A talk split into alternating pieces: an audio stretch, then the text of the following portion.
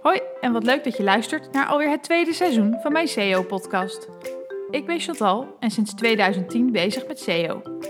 In het eerste seizoen heb ik verteld waarom ik denk dat we SEO anders aan moeten gaan pakken. In dit seizoen ga ik meer vertellen over hoe ik denk dat we het moeten doen. De manier waarop dus. Waarbij er natuurlijk veel aandacht is voor content. Want waar je op gevonden wilt worden, moet je over schrijven. In het eerste seizoen van mijn podcast heb ik verteld over keywordonderzoek en waarom ik denk dat het niet de basis is van SEO.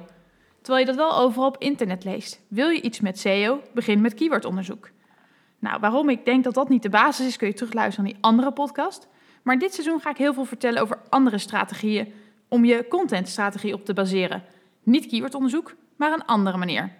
En in deze eerste aflevering ga ik het hebben over een contentstrategie gebaseerd op persona's.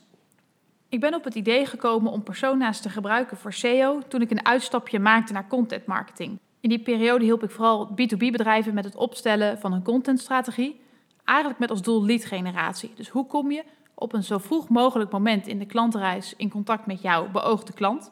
En hoe kun je dan door die hele klantreis contact met iemand houden door de juiste content op het juiste moment aan te bieden? Nou, ik heb heel veel persona's gemaakt. Um, en die helpen eigenlijk ook ontzettend bij SEO, omdat je opeens je klant leert te snappen. En ik weet nog dat de eerste keer dat ik dacht, hoezo doen we dit? We doen toch gewoon keywordonderzoek? Maar nadat ik het een keer gedaan had, had ik door dat de inzichten die je krijgt door een persona op te stellen, heel anders zijn dan de inzichten die je krijgt uit keywordonderzoek. Als je een persona gaat opstellen, dan ga je namelijk nadenken over jouw beoogde doelgroep. Waar ligt iemand wakker van? Wat is het probleem en waarom is dat een probleem? Wat wil iemand bereiken? Wat is uiteindelijk zijn doel? En hoe kun jij als bedrijf helpen om die persoon zijn doel te bereiken?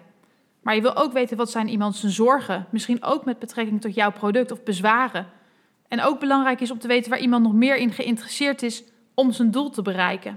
Nou, het opstellen van persona's wordt met name gedaan eh, in de B2B-omgeving, waarbij het ook gewoon wel echt gaat om beslissingen die uh, heel veel aandacht vragen, die, waar een hele buyer journey of een decision-making unit bij betrokken is. En het maken van een persona is daarom eigenlijk minder geschikt voor e-commerce partijen die iets verkopen waar de betrokkenheid veel lager is. Dus um, verkoop jij niet machines online of pyjama's, ja, dan zal een, het opstellen van een persona waarschijnlijk niet gaan renderen. Maar zit jij in een business waar de klant wel degelijk mee bezig is wat hij koopt, waarom hij het koopt, hoe hij het moet doen, Denk aan beauty, cosmetica, uh, e-bikes, uh, inrichting van je huis. Dan kan het wel degelijk renderen om wel een persona op te gaan stellen. Dus het is niet zozeer voor fast-moving consumer goods, maar wel voor iets waar de klant bij betrokken is. Nou, en zoals ik al zei, ga je eigenlijk content maken over problemen, frustraties, zorgen, doelen of interesses van jouw beoogde doelgroep. Nou, en waarom dat vlak? Omdat mensen rondom dit soort zorgen, problemen of frustraties op zoek zijn naar informatie in Google. Ehm, of YouTube, dat is natuurlijk ook een zoekmachine. Nou, en sommige mensen zeggen dan: Oh, problemen, frustraties, zorgen. Ga je over al die negatieve dingen dan content maken? Nou, ik denk dat dat wat kort door de bocht is. Maar laten we heel eerlijk zijn: iemand gaat niet op zoek naar een nieuw bed omdat zijn oude bed zo fantastisch ligt. Iemand gaat op zoek naar een nieuw bed omdat hij probleem heeft met zijn huidige bed.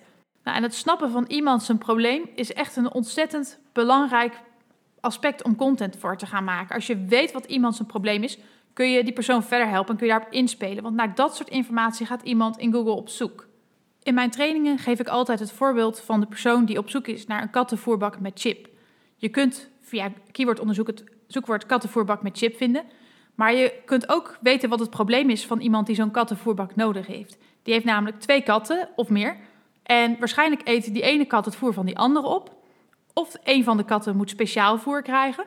Um, hoe dan ook is er een reden om die twee katten apart van elkaar te moeten voeren. Nou, en op het moment dat je dat weet, dat dat het probleem is wat die kattenvoerbak oplost, kun je daarover content maken. Want iemand gaat in Google op zoek naar kat eetvoer andere kat. Of katten apart voeren. Of kat met dieetvoer.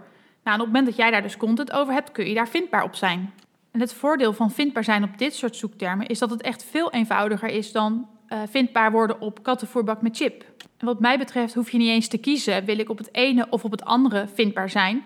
Dit soort trajecten kun je prima parallel naast elkaar laten lopen. Dat je zegt, ik wil vindbaar zijn op de keywords die ik vind uit zoekwoordonderzoek, maar ook op de onderwerpen die ik heb gevonden doordat ik me verdiept heb in mijn persona. Nou, zoals gezegd gaat het niet alleen maar om problemen, zorgen of frustraties, maar je kunt ook dieper ingaan op de interesses en de doelen van jouw persona. Dat is vaak wat positiever en vinden heel veel mensen leuker. Nou, stel jij bent een uh, wedding planner en jij organiseert bruiloften, dan doe je dat waarschijnlijk. Hè, ik heb het over waarschijnlijk, want ik weet het niet zeker. Doe je dat waarschijnlijk voor mensen die meer geld dan tijd hebben, maar die wel een hele mooie bruiloft willen, die um, meer te besteden hebben dan gemiddeld, waarschijnlijk. En die houden van misschien wel over de top weddings. Zou zomaar kunnen. Hè? Het hoeft, uh, hoeft niet zo te zijn dat iedereen die een wedding planner inschakelt uh, hieraan voldoet.